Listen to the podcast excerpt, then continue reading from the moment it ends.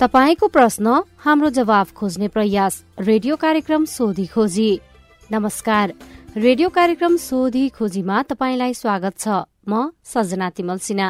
तपाईँ यो कार्यक्रम सामुदायिक रेडियो प्रसारक संघ अकुराबद्वारा संचालित सामुदायिक सूचना नेटवर्क सीआईएन मार्फत देशभरिका सामुदायिक रेडियोबाट सुनिरहनु भएको छ।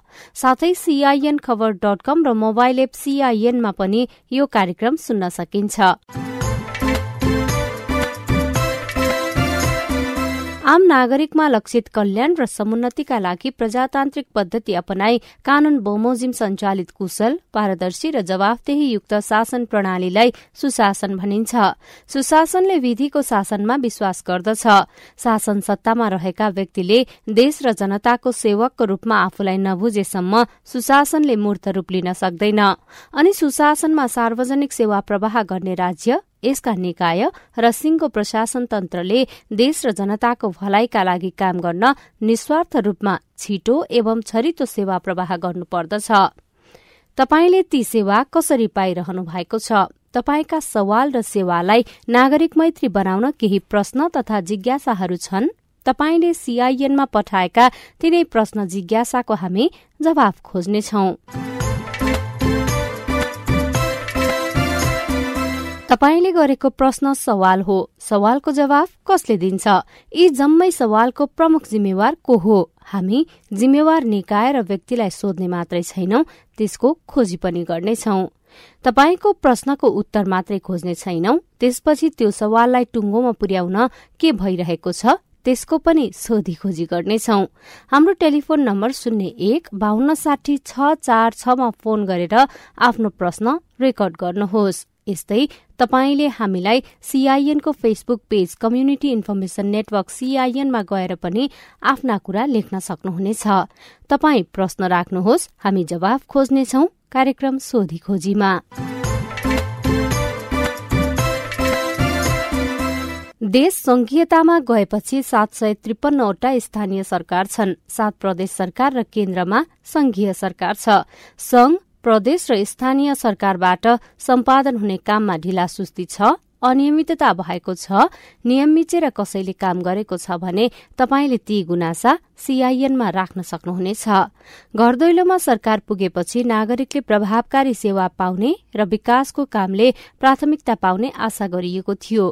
के नागरिकले त्यही आशा अनुसारको सेवा पाइरहेका छन्? छैनन् भने ती प्रश्न पनि तपाईँले राख्न सक्नुहुनेछ। आज हामीसँग स्वास्थ्य शिक्षा र निर्वाचनसँग सम्बन्धित प्रश्न अनि ती प्रश्नको जवाब छन्। शुरूमा स्वास्थ्यसँग सम्बन्धित प्रश्नोत्तर। प्रश्नोत्तरमा हुनुहुन्छ स्वास्थ्य तथा जनसंख्या मन्त्रालयका सहप्रवक्ता डाक्टर समीर कुमार अधिकारी। नमस्कार मेरो नाम सुनिल सिंह धामी। कोरोना भाइरसबाट कसरी बच्न सकिन्छ र के गर्न सकिन्छ? कोभिड उन्नाइस संक्रमण गराउने जुन भाइरस छ हामी कहाँ अहिले सङ्क्रमण फैलिरहेको भाइरस र नयाँ आउन सक्ने सम्भावित भेरिएन्टहरूको कुरा पनि छ। यो सबैबाट हामीले बच्ने उपायहरू भनेको कोभिड उन्नाइस विरुद्धको जुन हामीले जनस्वास्थ्यका मापदण्ड र खोपको कुराहरू गरिरहेका छौँ ती कुराहरू नै हुन्। अब अहिलेका लागि हामीले मास्कको सही तरिकाले प्रयोग गर्ने भिडभाडमा सकेसम्म कम जाने जानु परेको अवस्थामा मास्क लगाएर मात्रै जाने र अलिकति दूरी कायम गरेर बस्ने मास्क नखोलिकन बोल्ने अथवा आफूले काम गर्नुपर्ने छ त्यसरी गर्ने र हातले जे पाए त्यही नछुने र त्यो छोइएको हातलाई साबुन पानीले अथवा सेनिटाइजरले सफा नगरिकन आफ्नो शरीरको कुनै पनि अङ्गहरूमा नाक मुख अनुहारमा छुने काम नगर्ने गरियो भने सङ्क्रमणबाट जोगिन सकिन्छ र कोभिड उन्नाइस विरुद्धको खोप पूर्ण मात्रा लगाइसकेपछि शरीरमा रोग प्रतिरोधात्मक क्षमता विकास हुन्छ जसले गर्दा सङ्क्रमण भइहालेको अवस्थामा पनि हामीलाई एकदमै गाह्रो हुने अवस्थाहरूबाट जोगाउँछ नमस्कार म ध्रुव प्रसाद पर्साई हरिपुर दुई सोखा मौजा जस्तै ज्वरो आएपछि सितामल खाएपछि बिसो हुन्छ। त्यस्तै यो कोरोन भाइरसको पनि त्यस्तै ट्याब्लेट बिसो भने ट्याब्लेट छ कि छैन यो जिज्ञासा यसो मिटाइदिए हुन्थ्यो कि कुनै पक्षले? धन्यवाद।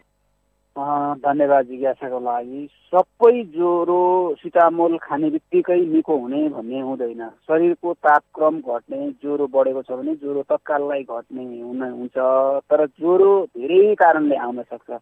धेरैवटा कारण मध्ये कुन कारणले ज्वरो आएको हो भने त्यो कारणको पहिचान गरेर उपचार गरियो भने हामीलाई भोलि हुने अप्ठ्यारोबाट हामी जोगिन सक्छौँ।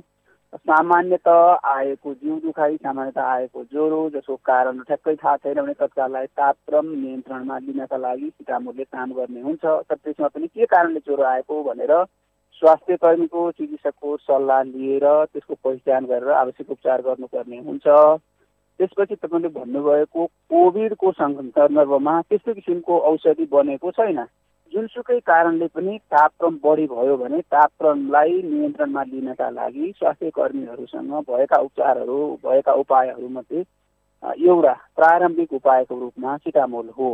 तर हामीले रोगको कारण अथवा के कारणले त्यो तापक्रम बढेको छ ज्वरो आएको छ भन्ने थाहा नपाइकन सिटामोल अथवा घरमै हामीले औषधि उपचार गरेर मात्रै बसिरह्यौँ सल्लाह लिएनौँ स्वास्थ्य कर्मीको भने गम्भीर किसिमको कारण पनि हुनसक्छ नयाँ किसिमका रोगहरू पनि हुन सक्छन् पहिलेदेखि भइरहेका रोगहरूको कारण पनि हुनसक्छ धेरैवटा कारणहरू हुन सक्छन् त्यो हामीले छुटाउन सक्छौँ र हामीले समयमा उपचार गर्न सक्ने अवस्थाहरूबाट हामी वञ्चित हुन सक्ने।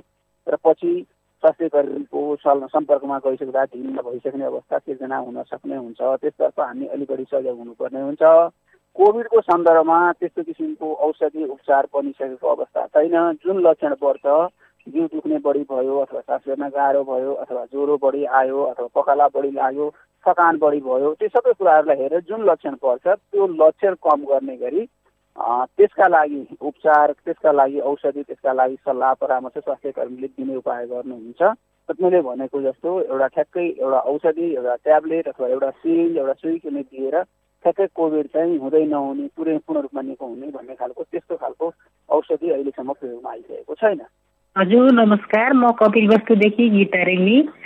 मेरो छोराले भेरोसिल लगाएको। एक दस महिना भइसक्यो। पहिलो डोज लगाएपछि दोस्रो डोज आएको छैन। भेरोसिल नेपालमा नआउने हल्ला सुनिएको छ।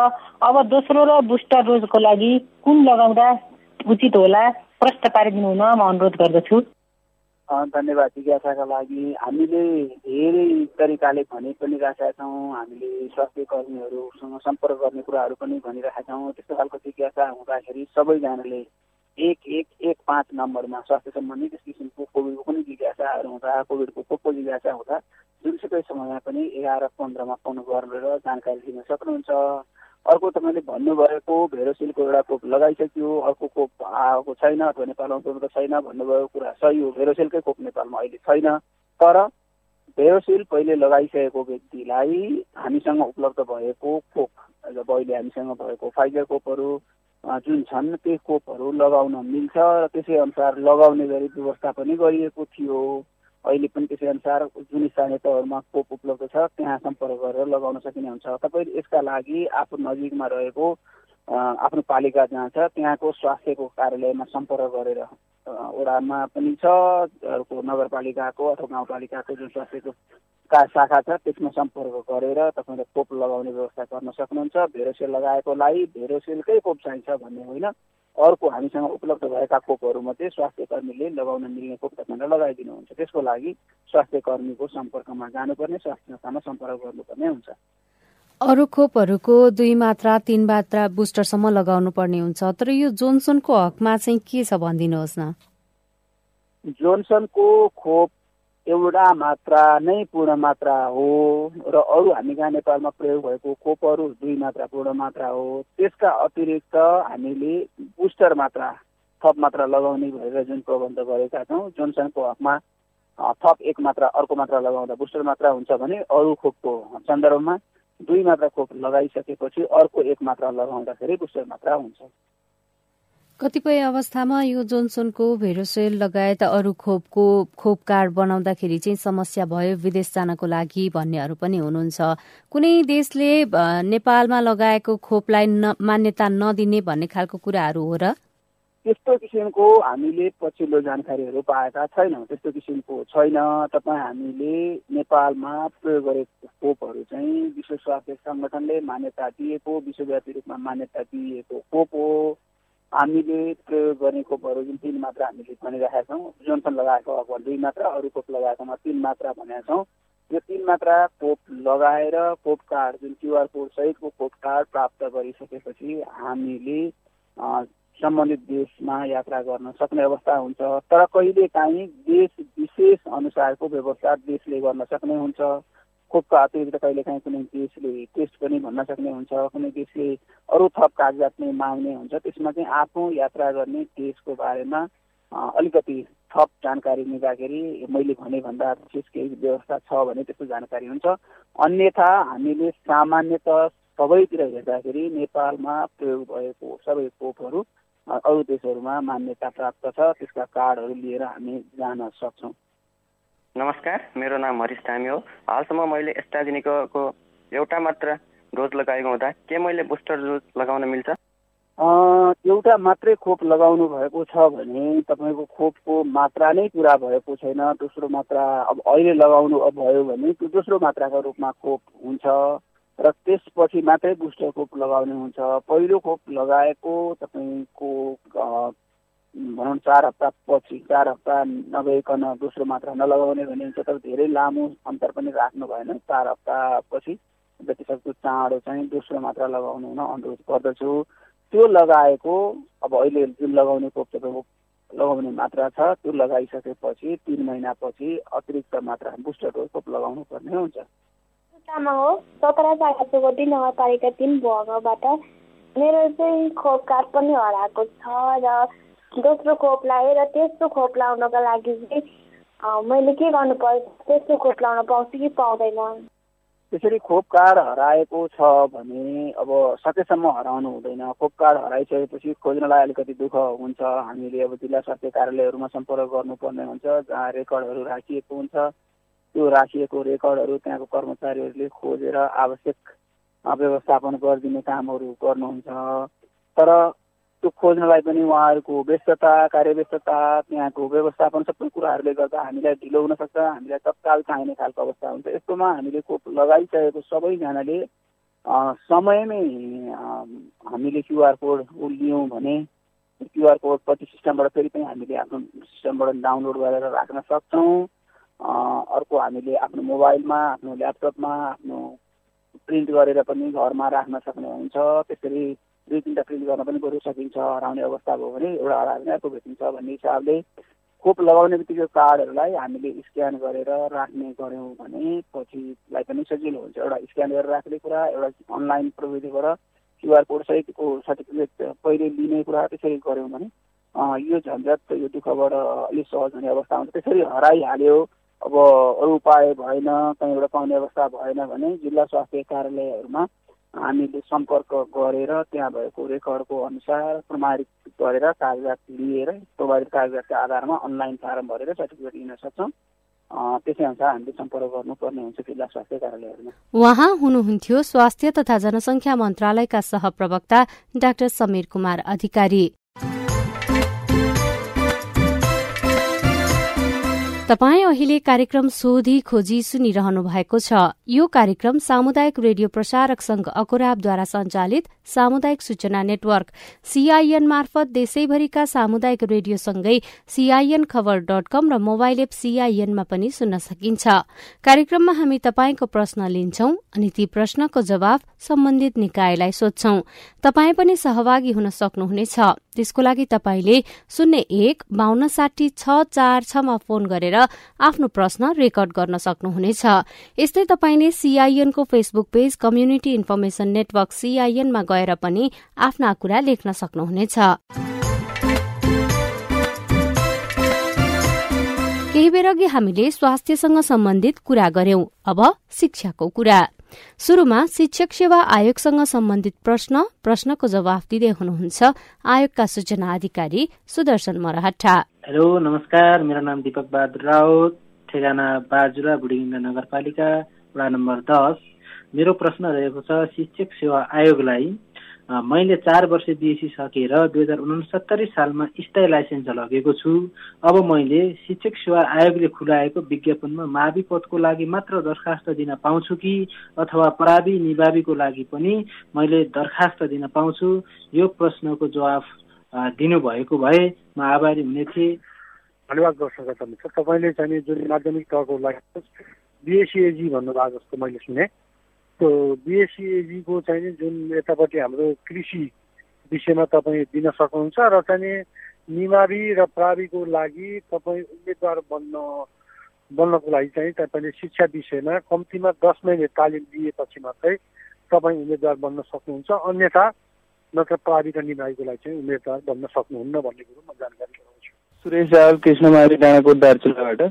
शिक्षा सेवा आयोगले हालसालै प्रकाशन गरेको प्राथमिक तहको लिखित परीक्षामा सफल उम्मेद्वारहरूको अन्तर्वार्तामा माथिल्लो तहको शैक्षिक योग्यता राख्दा स्नातक तहको मात्र राख्न पाइन्छ कि स्नातक वा स्नातकोत्तर मध्ये जुनसुकै तहको पनि राख्दा हुन्छ प्रश्न पारिदिए आभारी हुने थिए धन्यवाद। धन्यवाद दर्शक तपाईँको जुन यो प्राथमिक तहको न्यूनतम शैक्षिक योग्यता भनेको माध्यमिक शिक्षा उत्तीर्ण परीक्षा कक्षा बाह्र वा सो सरको परीक्षा तपाईँको न्यूनतम शैक्षिक योग्यता त्यो अनिवार्य छ। त्यसमा चाहिँ तपाईँले शिक्षा विषयले कम्तीमा दस मिनट तालिम पास गरेको हुनुपर्छ। र तपाईँको यदि तपाईँले माथिल्लो शैक्षिक योग्यता बापत अङ्कको तपाईँलाई चाहिँ जिज्ञासा रहेको मैले महसुस गरेँ। तपाईँले जुन ब्याचलर्स या मास्टर्समा तपाईँको जुन चाहिँ बढी अङ्क आउँछ या जुन चाहिँ बढी डिभिजन छ त्यो डिभिजनको सर्टिफिकेट राख्नुभयो भने तपाईँलाई समस्या हुँदैन। त्यही त्यही अनुसारको चाहिँ शिक्षक सेवा आयोगले मातृ शिक्षक बापतको चाहिँ अङ्क दिन्छ भन्ने कुरा चाहिँ म तपाईँलाई जानकारी छ र त्यही अनुसारको तपाईँले इन्टरभ्यूमा जाँदाखेरि ती कागजात राख्नको लागि म अनुरोध गर्दछु। हेलो नमस्कार। मेरो नाम राजेन्द्र राम बहादुर गाउँपालिका वार्ड नम्बर तिन दापचुला। बिए समाजशास्त्र पढेकोले शिक्षा सेवा आयोगको लाइसेन्स दिन मिल्छ कि मिल्दैन मित्रलाई धन्यवाद तपाईँले बिएससी गर्नु भएको छ या आइएससी गर्नु भएको छ भनेदेखि तपाईँ बिएससी गरेको कारणले तपाईँ माध्यमिक तहको सर्वप्रथम तपाईँले अध्यापन अनुमति पत्र लिनुपर्छ। तपाईँ अध्यापन अनुमति पत्र बिना तपाईँ शिक्षक बन्न नसक्ने भएकोले यदि तपाईँले अध्यापन अनुमति पत्र लिइसक्नु भएको छ भनेदेखिको अवस्थामा तपाईँ माध्यमिक तहको विज्ञान विषयको उम्मेद्वार हुन सक्नुहुन्छ र प्राथमिक र निम्न माध्यमिक तहको उम्मेद्वार हुनको लागि तपाईँले शिक्षा विषयमा कम्तीमा पनि दस महिने तालिम वा वान इयर बियर चाहिँ अनिवार्य छ भन्ने कुरो म तपाईँलाई जानकारी गराउँछु। अब चाहिँ हाम्रो फेसबुक पेजमा आएका केही प्रश्नहरू छन्। एमएस शाहले सुनसरी कोशी दुईबाट भन्नुभएको छ निमावी टिचिङ लाइसेन्स सच्याउन जिल्ला समन्वय शिक्षा समितिको सिफारिस चाहिन्छ कि चाहिँदैन? भन्नुभएको छ। हाम्रो जुन कि कुनै पनि अध्यापन अनुमति पत्र सच्याउनको लागि सम्बन्धित जिल्लाको शिक्षा विकास तथा समन्वय एकाइबाट सिफारिस पत्र लिएर आउनुभयो भने त्यो सचिन्छ। तर जुन तपाईँ आफ्नो चाहिने ठेगाना बिग्रेको छ भनेदेखिको अवस्थामा चाहिँ स्थानीय निकाय भनौँ तपाईँले ओडाको पनि सिफारिससँगै ल्याउनु भयो भनेदेखि त्यो कागजात ल्याएको अवस्थामा हाम्रो अध्यापन अनुमति पत्र सचिन्छ भन्ने कुरो म तपाईँलाई जानकारी गराउँछु। अर्को प्रश्न छ मैले कक्षा एघार र बाह्रमा मेजर गणित सहायक मेजर नेपाली पढेको थिएँ। मैले अध्यापन अनुमति पत्र दुई हजार उना अस्सीमा लुम्बिनीबाट नाम निकालेको छु र नि माविको शिक्षक सेवामा कुन कुन विषय दिन पाउँछु सम्बन्धित ठाउँमा सोधपुछ गरिदिनु न भनेर भन्नुभएको छ। ल म प्रश्नकर्ता मित्रलाई यदि तपाईँले माध्यमिक तहको यदि मैले अहिले पनि भने नेपाली नेपाली र सामाजिक विषय अन्तर्गतका जो चाहिँ तपाईँले विषयहरूमा चाहिँ उम्मेदवार बन्न चाहनुहुन्छ भनेदेखिको अवस्थामा तपाईँलाई चाहिँ दस महिने तालिम अनिवार्य छ। र जस्तै अङ्ग्रेजी गणित विज्ञान कार्यालय सञ्चालन लेखा विषय छन् भनेदेखि तपाईँको दस महिने तालिम नभए पनि तपाईँ यदि अध्यापन अनुमति पत्र तपाईँले फाइल लिनु भएको छ भनेदेखि तपाईँ उम्मेदवार बन्न सक्नुहुन्छ भन्ने कुरा म जानकारी गराउँछु र ती विषयमा चाहिँ तपाईँ निमावी र प्राविको हुनको लागि चाहिँ दस महिने तालिम चाहिँ अनिवार्य रहेको कुरा पनि म तपाईँलाई जानकारी गराउँदछु। उहाँले यसैमा थप्नु भएको छ सामाजिक सामाजिक विषय दिन पाउँछु कि पाउँदिन भन्नुभएको छ दिपेन्द्र केसीले? तपाईँलाई यो सामाजिक विषय दिनको लागि चाहिँ हाम्रो विज्ञापन गर्दाखेरिकै अवस्थामा अर्थशास्त्र यतापट्टि इतिहास भूगोल जनसङ्ख्या शिक्षा स्वास्थ्य शिक्षा शारीरिक शिक्षा स्वास्थ्य तथा शारीरिक शिक्षा मानव विकास भनेर यस्ता विषयहरू हामीले विज्ञापनमा नै खुलाइदिएको छ। त्यो विषय एकताल तपाईँले साथसाथै हेर्नुभयो भने तपाईँले त्यो विषयहरूमा चाहिँ तिन सय पूर्णाङ्क लिएर यदि स्नातक या स्नाकोत्तर उत्तीर्ण गर्नु भएको छ भनेदेखि तपाईँ उम्मेदवार हुन सक्नुहुन्छ। माध्यमिकको तहको हकमा र निम्न माध्यमिक को हकमा चाहिँ नि सामाजिक विषयमा उम्मेदवार बन्नको लागि ती विषयमा दुई सय पूर्णाङ्क चाहिँ अनिवार्य लिएको हुनुपर्छ। र त्यो लिने क्रम लिने क्रममा चाहिँ तपाईँको एउटै विषय हुनुपर्छ। त्यो जुन कि कुनैमा सामाजिक भनौँ इतिहास सय भूगोल सय गरेर हुँदैन कि सम्बन्धित विषय इतिहास छ भने इतिहासमै दुई सय हुनु पर्यो भूगोल छ भने भूगोल नै दुई सय हुनु पर्यो र माथिल्लोमा छ भने माविको हकमा चाहिँ सम्बन्धित विषय नै तिन सय हुनुपर्छ। अरू विषय मिलाएर चाहिँ उम्मेद्वार बन्न सक्नुहुन्न। हजुर हामीलाई कृष्ण प्रसाद रोकाया र जयराम रोकायाले एउटै प्रश्न गर्नुभएको छ। मैले बिएड पपुलेसन र एमएड करिकुलम र इभ्यालुएसनबाट गरेको छु। मावि तह शिक्षा विषयमा शिक्षक सेवामा फारम भर्न पाउँछु कि पाउँदिनँ भन्नुभएको छ? शिक्षा विषय जो व्यक्तिले भनौँ शिक्षा शास्त्र संकायबाट स्नातक या स्नातकोत्तर जो जसले गर्नु भएको छ ती व्यक्तिको लागि शिक्षा विषयमा जुन आयोगबाट प्रकाशित हुने माध्यमिक तहको चाहिँ शिक्षा विषयमा चाहिँ उम्मेद्वार बन्नको लागि बाधा पर्दैन। तपाईँ निर्धक्कका साथ शिक्षा विषयमा उम्मेद्वार भएर हुन सक्नुहुन्छ। दरखास्त फारम भर्नुहोस्। त्यसको लागि चाहिँ म त्यही भन्न चाहन्छु। उहाँ हुनुहुन्थ्यो शिक्षक सेवा आयोगका सूचना अधिकारी सुदर्शन मरहट्टा। आयोगसँग सम्बन्धित प्रश्नको जवाफ दिँदै। अब भने निर्वाचनसँग सम्बन्धित प्रश्न जवाफ दिँदै हुनुहुन्छ निर्वाचन आयोगका प्रवक्ता शालिग्राम शर्मा पौडेल। नमस्ते। म सिन्धुपाल्चोक जिल्ला सुनकोशी गाउँपालिका वार्ड तिनबाट म देवी प्रसाद नेउपाने मेरो जिज्ञासा के छ भने म गएको स्थानीय निकायको निर्वाचनमा म सुनकोशी गाउँपालिकाको प्रमुखमा उम्मेदवारी दर्ता गराएर चुनाव लडेँ। लडे पश्चात त्यसपछि त्यो निर्वाचन खर्च नबुझाएमा तिन लाख रुपियाँ जरिवाना भनेर निर्वाचन आयोगले त्यसपछि त्यो सूचना आयो। अब हामीलाई त्यो कुरो थाहा भएन निर्वाचनमा हामीले त्यस्तो पैसा खर्च पनि गरेन के हो कसो थाहा पनि भएन। म राष्ट्रिय प्रजातन्त्र पार्टीबाट लडेको अहिले आएर तिन लाख रुपियाँ निर्वाचनमा तिर्नुपर्छ भन्ने कुरो छ हामीसँग। तिन लाख होइन तिन सय रुपियाँ पैसा छैन।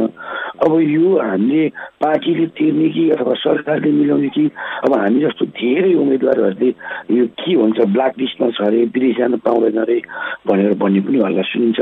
यसको यसको उपाय के छ? यो यो अब के हुन्छ हाम्रो तिन लाख रुपियाँ तिर्ने भयो त हामी त खेतबारी बेच्नु पर्ने हुन्छ। कुरो के हो? यसको आधिकारिक जिज्ञासा पाउँ धन्यवाद हजुर धन्यवाद नमस्कार। लागि अब यो निर्वाचन आयोगले निर्वाचन कानुन प्रचलित निर्वाचन कानुन बमोजिम उम्मेद्वारले स्थानीय तहको निर्वाचनमा उम्मेदवारी दिएका व्यक्तिहरूले कानुनको म्यादभित्र आफूले गरेको खर्चको विवरण बुझाउनु पर्ने हुन्छ। र कानुनको म्यादभित्र खर्चको विवरण नबुझाउनेलाई सोही कानुन बमोजिम जरिवाना गर्ने व्यवस्था छ। त्यही कानुनको पालना पालना गरेको हो आयोगले। अब यसमा मिना हुने कुरो अथवा तिर्न नपर्ने कुरो सरकारले तिर्ने पार्टीले तिर्ने यी विषय आयोगले आयोगले जान्ने विषय भएन। अब आयोगले तपाईँलाई मिना दिन सक्ने अधिकार पनि छैन। आयोगले अब पुनर्विचार गर्ने अधिकार पनि छैन। कानुनमा जरिवाना बुझाउनु पर्ने व्यवस्था थियो। आयोगले त्यही निर्णय गरेको हो। यो छ महिनाभित्र बुझाउनु पर्ने हुन्छ। त्यो भनेको फागुन मसान्तसम्म हो। अब अरू कुनै निकायबाट अथवा कम्पिटेन्ट निकायबाट अन्यथा निर्णय नभएसम्मका लागि अहिले उक्त रकम बुझाउनै पर्ने हुन्छ। हेलो नमस्कार। म राम यादव। महतौरीको सुनमा गाउँ कल्पाबाट सुन्नमा आएको थियो कि निर्वाचन फोटोसहितको मतदाता नभोलि चाहिँ फोटो खिचाइरहेछ। र इलाका प्रशासन कार्यालयको सल्लाह महतौरीमा जाँदाखेरि भन्छ हामीले के सूचना आएकै छैन भनेर। के वास्तविकता के हो भनेर? हस् धन्यवाद। अब यो अहिले मतदाता नामावली सङ्कलनको कार्य दुई गतेदेखि यही दुई गतेबाट सुरु भएको छ। र यो अनलाइन मतदाता नामावली दर्ता हो। तपाईँले हाम्रो वेबसाइटमा गएर इनरोलमेन्टमा मतदाता नामावलीको इनरोलमेन्टमा गएर तपाईँले फर्म भर्न सक्नुहुन्छ। र त्यो फर्म भरिसकेपछि तपाईँले तपाईँलाई अनुकूल पर्ने समयमा समय तपाईँले त्यहाँ छान्न सक्नुहुन्छ। त्यो छानेका आधारमा तपाईँलाई जुन जिल्ला पाएक पर्छ त्यही जिल्लामा गएर तपाईँले फोटो र बायोमेट्रिक्स विवरणहरू फोटो र थम औँठा छाप को लागि तपाईँ सम्बन्धित जिल्ला निर्वाचन कार्यालयमा जानुपर्ने हुन्छ। अहिले यो विवरण बायोमेट्रिक विवरण जिल्ला प्रशासन कार्यालय वा इलाका प्रशासन कार्यालयबाट लिने व्यवस्था छैन। तपाईँले अनलाइन फर्म भरेर तपाईँले आफ्नो बायोमेट्रिकको लागि मिति लिने र सम्बन्धित जिल्ला निर्वाचन कार्यालयमा गएर त्यो विवरण दिएपछि तपाईँको मतदाता नामावली सङ्कलन हुन्छ। यो कहिलेसम्म जारी रहन्छ भन्ने केही छ? होइन यो निरन्तर रहन्छ। अर्को निर्वाचनको घोषणा नभएसम्म मतदाता नामावली सङ्कलन कार्य निरन्तर रहन्छ। अहिले अब अनलाइनको सुविधा छ अनलाइन सतहत्तरै जिल्लामा छ। र चाहिँ अनि आफूलाई अनुकूल पर्ने डेट छान्न पाइन्छ त्यहाँ। त्यो डेट छानेपछि त्यो छानिएको डेटमा बायोमेट्रिकको लागि त्यो आफूले भरेको फर्मको नम्बर लिएर जिल्ला निर्वाचन कार्यालयमा गएपछि त्यो दस मिनटमा उहाँको काम सकिन्छ। उहाँ हुनुहुन्थ्यो निर्वाचन आयोगका प्रवक्ता शालिग्राम शर्मा पौडेल। निर्वाचनसँग सम्बन्धित प्रश्नको जवाफ दिँदै। यो सँगै हामी कार्यक्रमको अन्त्यतिर आइपुगेका छौं। तपाईँहरूको प्रश्नको जवाफ खोज्दा खोज्दै रेडियो कार्यक्रम सोधी खोजीको आजको अंकबाट विदा लिने समय भएको छ। तपाईँलाई यो कार्यक्रम कस्तो लाग्यो? नागरिकले प्राप्त गर्ने सेवा र विकास निर्माणको कामलाई गुणस्तरीय र प्रभावकारी बनाउन के गर्नु पर्ला? तपाईँका केही सुझाव र टिप्पणी छन् भने हाम्रो टेलिफोन नम्बर शून्य एक बान्न साठी छ चार छमा फोन गरेर रेकर्ड गर्नुहोस्। यस्तै तपाईँले सीआईएनको Facebook page community information network सीआईएनमा गएर पनि आफ्ना कुरा लेख्न सक्नुहुनेछ। तपाई प्रश्न राख्नुहोस् हामी जवाफ खोज्नेछौ कार्यक्रम सोधी खोजीमा। यो कार्यक्रमलाई थप प्रभावकारी बनाउन तपाईँको सुझाव महत्वपूर्ण रहनेछ। हेलो सीआईएनमा हरेक दिन र रेडियो कार्यक्रम मार्फत अर्को हप्ता तपाईँका प्रश्नको जवाफ खोज्दै आइपुग्नेछौ। आजका लागि प्राविधिक साथी सुभाष पन्तलाई धन्यवाद। अहिलेको रेडियो कार्यक्रम सोधी खोजीबाट सजना तिमल सिना विदा हुन्छु। प्रश्न सोध्न अप्ठ्यारो नमानौ। नमस्कार।